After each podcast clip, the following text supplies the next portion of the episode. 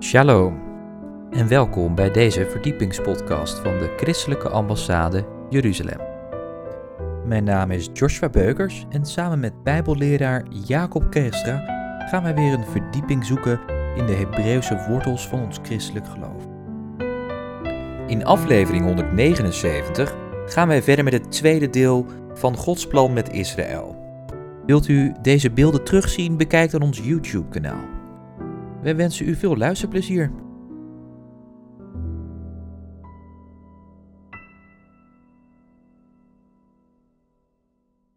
We gaan nou over Israël. Vierde golf van de. Kijk, Jezus had één opdracht, de grote opdracht.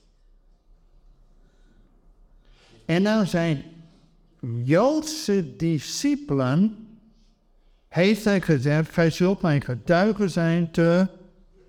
Oké. Dus die hebben het evangelie de wereld ingebracht. Het was al vanaf Abraham de bedoeling dat Israël tot zegen voor zichzelf zou zijn. Kijk. Oh, Heer, dank u wel dat u mij gezegend hebt. Oh, en die andere die redt zich wel.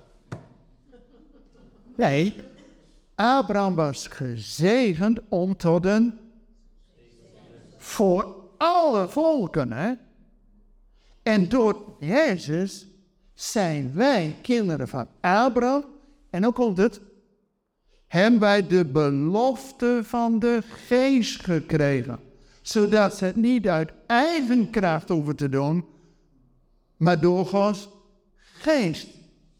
Jongens, Peter is maar al zijn biceps en triceps als, als visser. Hij was gewoon bang, hè. Uit angst voor de Joden zaten ze in zijn bovenkamertje. Maar als de Heilige Geest overkomt, wordt het tot een machtig instrument met één preek, 3000 tot geloof. Volgde dat 5000. Toen wel. Dus niet door eigen kracht of geweld, maar door Gods schik. En dat is vrijgezet door dood en opstanding van Heer en zijn belofte. Snap je? En daarin kunnen de Joodse discipelen eindelijk de zegen verder brengen. Want God had al bij de uittocht van Egypte, had God op het oog, uittocht, ga jullie zegenen, want ik ga jullie tot een koninkrijk van priesters maken. Een heilige natie, mij ten eigen. Alleen direct daarna met dat gouden kalf deden elf stammen deden wat anders. Dus er was maar één stam, de Levieten, die deden wat Mozes, wat God had gezegd. Dus toen kon het plan van God niet direct doorgaan, want de Levieten waren nodig om Israël eerst weer bij de les te krijgen. En pas door Jezus en de vervulling met Gods geest krijgen die elf discipelen notabene dan pas de mogelijkheid om tot een zegen te zijn voor alle volk. Te beginnen te Jeruzalem en te Jeruzalem en tot het uiterste eruit. Wat is nou de opdracht voor ons? Wij die tot geloof gekomen zijn. Wij mogen er helemaal bij horen, hè? Medeboos, mede uitgenodigd, mede erfgenomen, hartstikke mooi. Maar wat is de opdracht? Nee, dat kan ook. U bent stil. U bent stil. Het is hetzelfde op. Nee. Nee. God heeft aan de Joodse discipelen expliciet gezegd om het evangelie de zevende wereld. Dat wij in het verlengde meewerken, amen. Maar de opdracht voor ons is het tweede punt voordat Jezus terug kan komen. Het eerste was het evangelie voor de wereld rond. Nou, dat is bijna zo. En dan hebben we net uitgelegd al die golven, het is bijna terug. De tweede voorwaarde is, wat God zegt, ik zal mijn volk verstrooien En dan zoeken we. en hen terugbrengen. En juist wij doe mee in die opdracht. Want God zegt, vreemden zullen het op de schouders en op de heup aandragen. Zelfs vreemdelingen zullen de muren van Jeruzalem herbouwen. Dus exclusief is onze opdracht dat wij Israël terugbrengen naar het land. Heeft er nog nooit een preek over gehoord? We gaan zo over, over um, nou laten we dat alvast maar eens lezen, hè? die golven van Adia. We kennen 1880, 1890, wat die pogroms daar in Rusland. En toen ging de eerste golf van Joden uit Rusland naar Israël. Ziet het. Sorry, mag jij één, één terug? Ja, ja. Nee, ja, deze. Ja. Dat is de eerste golf. De tweede golf was met name na de Eerste Wereldoorlog, 1917. Toen kwam er een grote golf, ook weer uit Rusland. En Polen, maar vooral die kant rijden. Dan 1948 met de staat Israël, kwam er een golf van 700.000 uit Irak, Iran en dat gebied.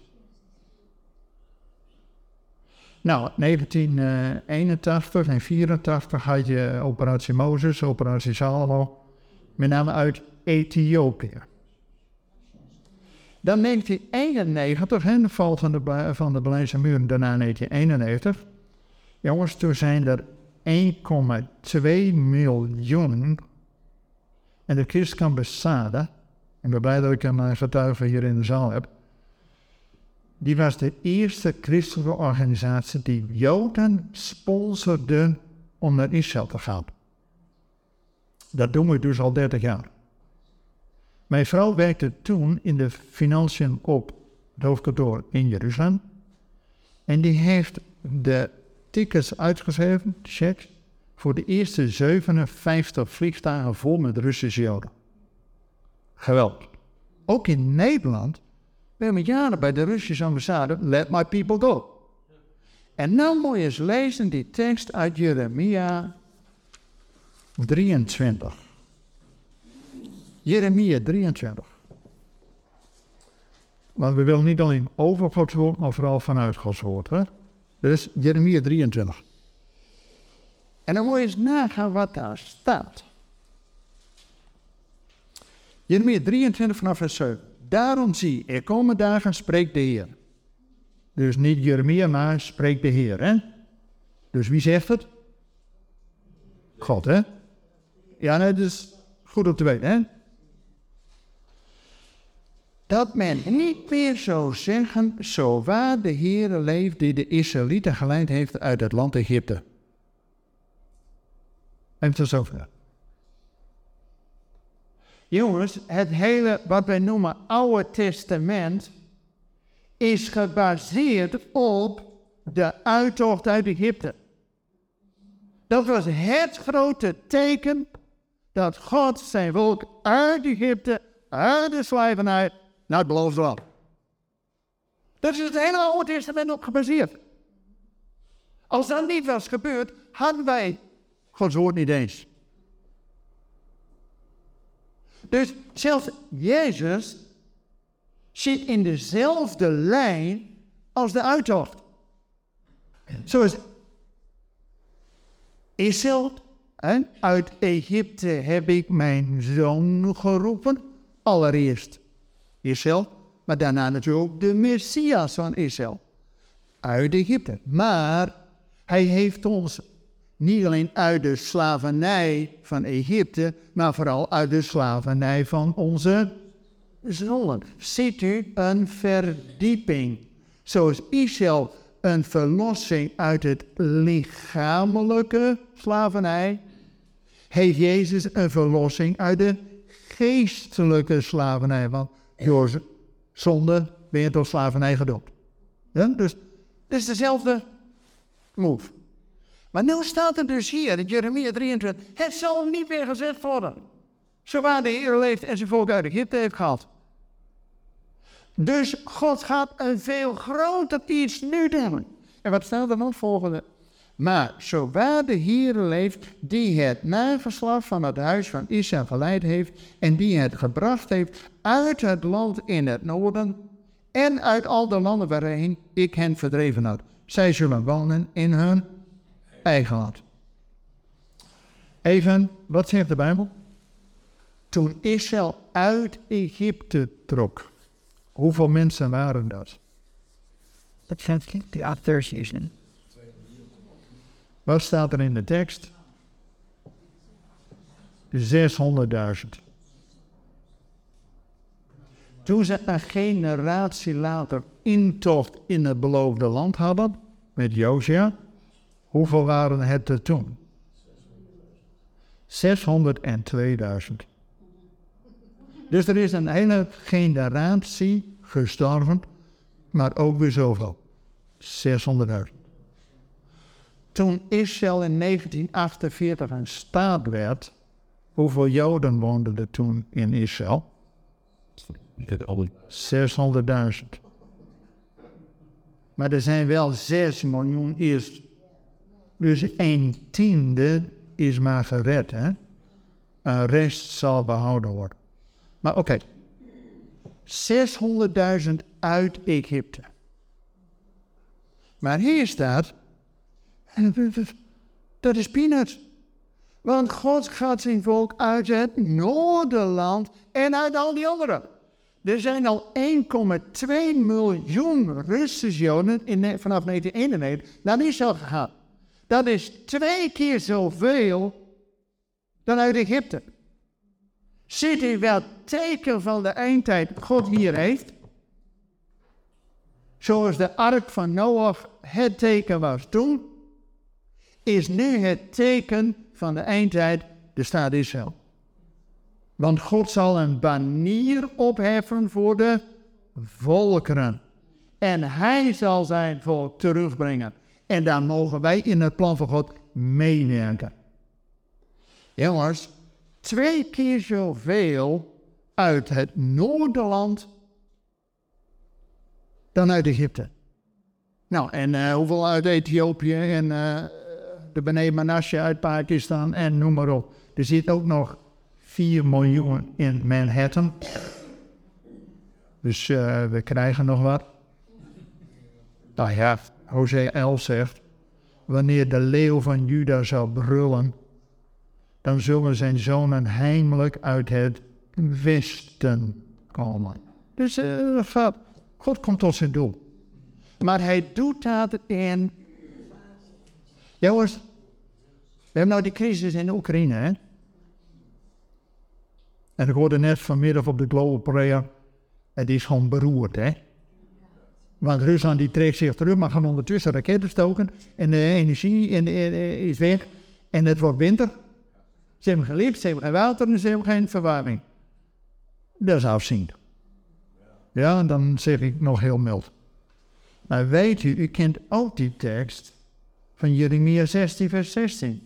Dat God eerst de vissers en toen de val van de Berlijnse muur in die 1,2 uit Rusland konden gaan, dachten ze in de Oekraïne, nou, het best jong. Rusland is ver weg. En die staatsbedrijven zijn in de Oekraïne genationaliseerd. De economie in de Oekraïne ging de laatste 30 jaar veel beter dan in Rusland. Of dat Rusland dat wil hebben. Dus de Joden in de Oekraïne dachten, het eerste. Weet u dat de grootste Messiaanse gemeente ter wereld was in Kiev. En ik dacht, oh. Totdat ineens eerst de vissers en dan ineens de jagers. Plotseling staan ze ineens op de stoel. Wij helpen nu Russische, ja niet alleen Russische, maar ook vooral Oekraïnse Joden, eigenlijk zo, dat vooral moeten vertellen. Want die vangt de mensen op. En dat ze dus naar Israël gaan. De mensen uit de Oekraïne zijn vaak moeders met kinderen. De man wil blijven. En die zijn niet happy. Uit Rusland waren ze toch een beetje gewend van Poetin. Dus die hadden een koffertje al gepakt, zeg maar. En die denken nu, wegwezen. Die komen als hele gezinnen. En die zijn eindelijk blij. Maar je ziet de tekst, eerst de vissen en dan ineens de ja. Dus ook daar heeft God een patroon in. Maar het heeft allemaal tot doel dat Jezus haast heeft om terug te komen. En dat kan alleen als heel Israël terug is. En dat doen ze natuurlijk niet als ze het allemaal huisje, boompje, beestje en het goed hebben. Soms moet er ook wat gebeuren, helaas. Eerst kregen ze de gelegenheid, de vissers, en dan ineens de jaren, ja, en dan zeg het maar. We gaan verder. Nou, men verwacht ook, in ieder geval eh, eind van dit jaar, hè, dat er nog veel uit Ethiopië komen. Die zouden eigenlijk in januari al komen. Maar ja. En. Soms uh, heb je ook in Israël een regeringscrisis. Je hebt nu vijf keer een verkiezing gehad in drie jaar tijd, dus daar zijn ze met andere dingen bezig dan. Uh, hè? Maar ook in Ethiopië, die, al die burgeroorlogen, de Israëlische regering had al toegezet om 3000 Ethiopische Joden naar Israël te brengen. Nou, er zijn duizenden inmiddels gewonnen, maar goed. Men probeert nog in ieder geval een duizend voor de kerst en voor uh, te krijgen, maar alles direct begin volgend jaar. Men, verwacht komende winter een grote golf. En eventueel ook uit Frankrijk of eventueel Amerika. Jongens, in Canada, dan denk je is toch een westers land, hè? Nou, die premier die daar nu is, die moet van christenen niet van hebben. Zelfs voorgangers in kerken worden berist. En de Joden uh, krijgen weer de schuld. Dus ook vanuit die kant, Israël kan nog wat uh, toevloed verwachten. Maar het gek is, ik ben er twee jaar nog niet geweest met corona. Je komt er weer en ze bouwen, en ze bouwen, en ze bouwen. Hè? En je hebt nu ook dat. Uh, kijk, God doet ook een golf daarin. Hè? Toen 1948. Toen was het ook in de hele wereld populair om naar uh, India te gaan, naar die, naar die ashrams en in kibbutzen te zitten, hè, community life. En dat was, nou, dat was uh, het summen mee. Dus alles en iedereen, die ging ook gewoon naar kibbutz in Israël. Nou, nou is dat totaal niet meer populair. Zelfs de jeugdherbergen met slaapzalen worden omgebouwd tot uh, hè, privé. Dus men is veel individualistischer. Aantal jaren geleden, heb ik u dat verteld vorige keer? Vijf jaar geleden op het Loofhuttenfeest. Maar bij golf had ik er nog niet eens bij staan. Maar oké. Vijf jaar geleden op het Loofhuttenfeest. Hangen we dan met 7000 christenen. Hè? Komt er een minister van religieuze zaken. Die hebben ze in Israël. Dat verhaal heb ik u niet verteld, hè? Vorige keer. Nee, oké. Die zei, wij gaan naar fase 3. Ik zeg, amen, broeder. Help even. Want fase 1, wat fase 2, dat, ben ik met jou. Hij zei, 1948 was fase 1. Toen gingen we het land van moeras bewerken, vruchtbaar maken. En we hebben de wereld gezegend met zuidvrucht. De minoles, de Jaffa sinaasappels, ging de wereld op. Hè? Jeremia 30. Israël zal de wereld zegen met vruchten. Inmiddels zijn al die kibbutzen omgeturpt tot IT-fabriekjes en uh, speelgoed en weet ik wat. Nou, langs die kust van uh, Haifa tot Naharia. Google en Apple en Microsoft en alles uh, zit daar, hè. Dus Israël zegent nu de wereld, fase 2, met IT-producten. Die USB-chip en die Intel-chip en de in Israël. Maar de minister van Religieuze Zaken, hij zei, wij, wij willen naar fase 3. Hij zei, we hebben al lang met de regering Netanyahu toen afgesproken dat we per jaar 3 miljard shekel investeren. En nou komt het in het Bijbels onderwijs. Ik wist niet wat ik hoorde. En? Wat vind ik Weet u, dat deden wij 100 jaar geleden ook. ter bevordering van de lezen en schrijven. Dan gingen we overal op alle land scholen, scholen met de Bijbel. En dat is tot zegen van Nederland geweest.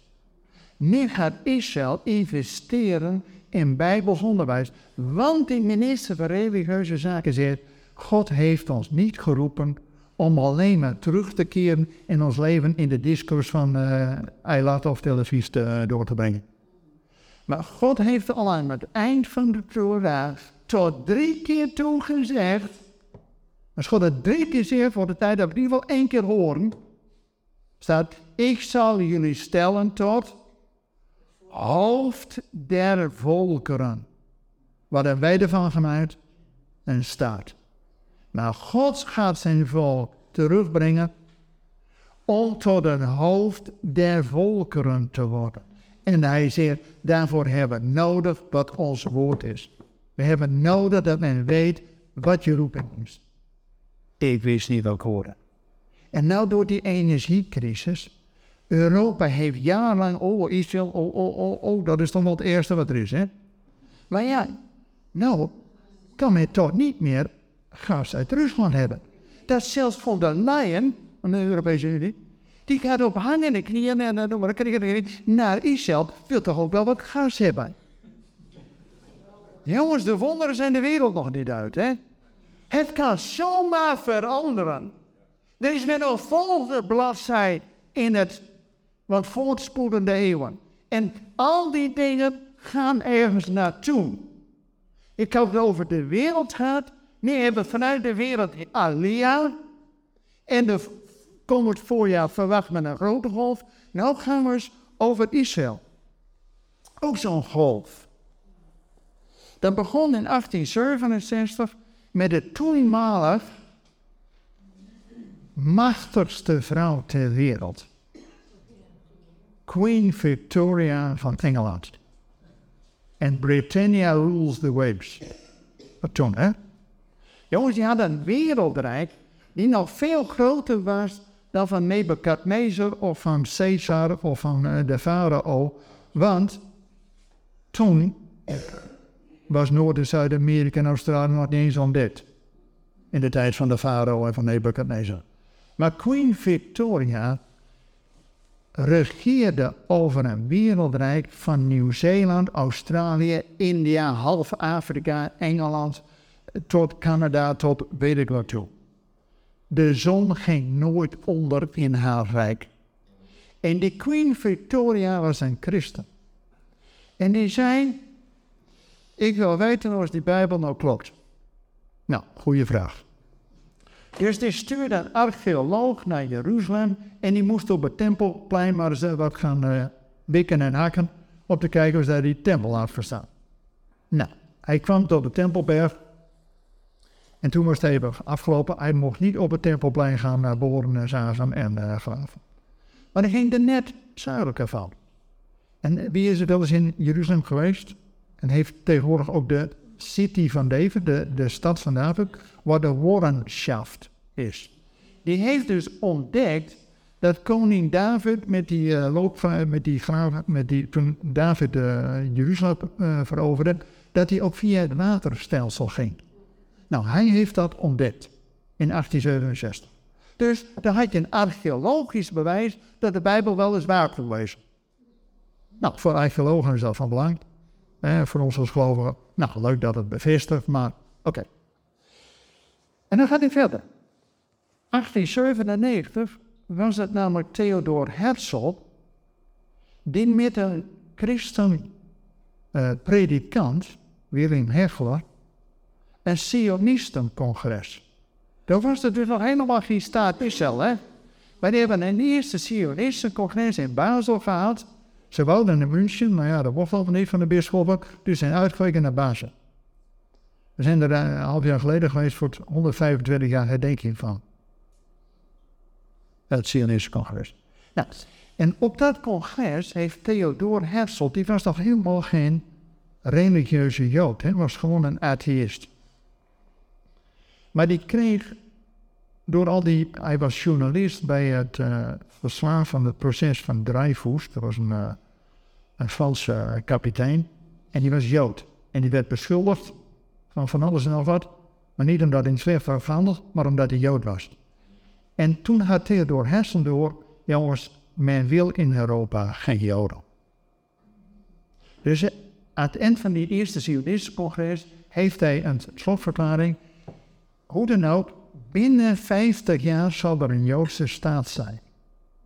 Heeft het zelf niet meer meegemaakt, maar precies 50 jaar later is de staat Israël uitgeroepen. Gisteren was de dag, 21 november 1947, dat de Volkerenbond over het uh, verdelingsplan, het partitieplan, heeft gestemd. En daardoor is de staat Israël kon daarna gebeuren. Dus je ziet 1867, en dat men Israël weer op elkaar heeft. 1897, dat eerste Zionistische congres wel eigenlijk al geprofiteerd werd door een atheïst over 50 jaar, zal het zover zijn. Toen had je direct na de Eerste Wereldoorlog, dan hebben de geallieerden gewonnen. Hè? En toen was met name Engeland nog meest krachtiger. En dat die regering van Lloyds, die had, er waren christenen. En minister van Buitenlandse Zaken, Lord Balfour, en die mensen in dat kabinet, die wisten, God heeft ons niet zomaar geplaatst om als minister en een kabinet te hebben. Maar God heeft ons hier in deze positie geplaatst met een bedoeling. En die Belfort was door een zeer gelovige moeder opgevoed. En hij wist, ik ben in deze positie om Gods volk te helpen. En die heeft dus die Balfour Declaration opgeschreven. En dat is het begin geworden waar de Volkenbond overstemde, dat daarna het Britse mandaat. En het Britse mandaat, dus namens de Queen of uh, Elizabeth I was het toen, om een thuisland voor Israël te geven. Dus de Britten kregen het mandaat van de Volkenbond om daar alvast plaats te bereiden. Alleen in 1922 heeft Churchill met één handtekening twee derde weggegeven. Het Transjordanië aan een emir uit Saoedi-Arabië. En dat is Jordanië geworden. Maar dat was de bedoeling dat is zelf zo krijgen. Dus er bleef nog maar één derde met over. En toen, na de, eerste, na de Tweede Wereldoorlog, 1947, dat de Volkerenbond gestemd heeft, nou ja, eh, verdelingsplan moest van die een derde, moest nog weer een deel naar de Palestijn. Die hebben het niet gewild. En dat kan ook helemaal niet. Want ook later, Yasser Arafat, toen hij met eh, premier Barak, met die Oslo-akkoorden, onderhandelde en hij kon 96% krijgen van wat die man wou hebben. Nou, als jij onderhandelt over iets en jij krijgt 96% van wat je wilt, dan denk je, wel super Ja. Worden in Europa. En hij deed het niet, Arafat. En waarom niet? Want anders zou hij de volgende dag een dolk van zijn broeders in de rug hebben. Want daarmee verkwansel je de Arabische zaak, de moslimzaak. Want in hun gedachtegang is, land wat één keer aan de islam toebehoort, blijft van hun. Dat kun je niet aan een laagwaardere godsdienst weergeven. Kijk, veel christenen die de vervangingstheologie hebben. U weet wat vervangingstheologie is? Dat de kerk in plaats van Israël is.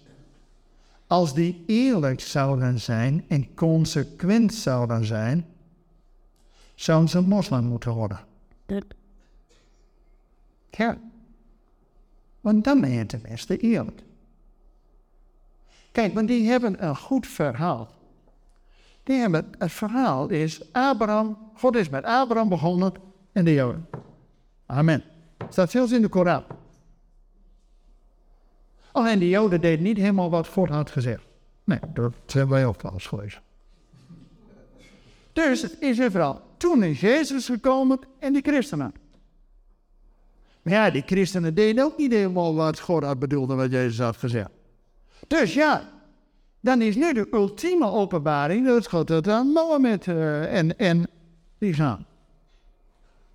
Snap je, dat is hun officiële leer. Dus zij kunnen land wat aan Iran toebehoort, niet aan die apen of honden geven die laagwaardig worden. Ook al heb je 96%, 4% misje, kan niet. Maar moet je dat argument maar eens tegen een hoog zeggen. Dan schrik je zich aan hoedje. Want je moet even consequent doorrekenen. Je kunt wel zeggen, oh, Israël heeft niet gedaan. Hallo, en wij dan? Dan moet je dezelfde norm op op jezelf doen. Nou, geval zie je hoe die weer dat. Bedankt voor het luisteren naar deze verdiepingspodcast van de ICEJ. Waardeert u onze podcast? Steun ons dan. Dat kunt u doen door een donatie of door deze podcast te delen met uw vrienden of familie. Meer informatie hierover vindt u op icej.nl.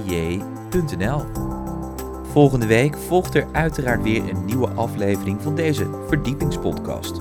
Luistert u weer met ons mee? Ik hoop van wel. Bedankt voor het luisteren en tot volgende week.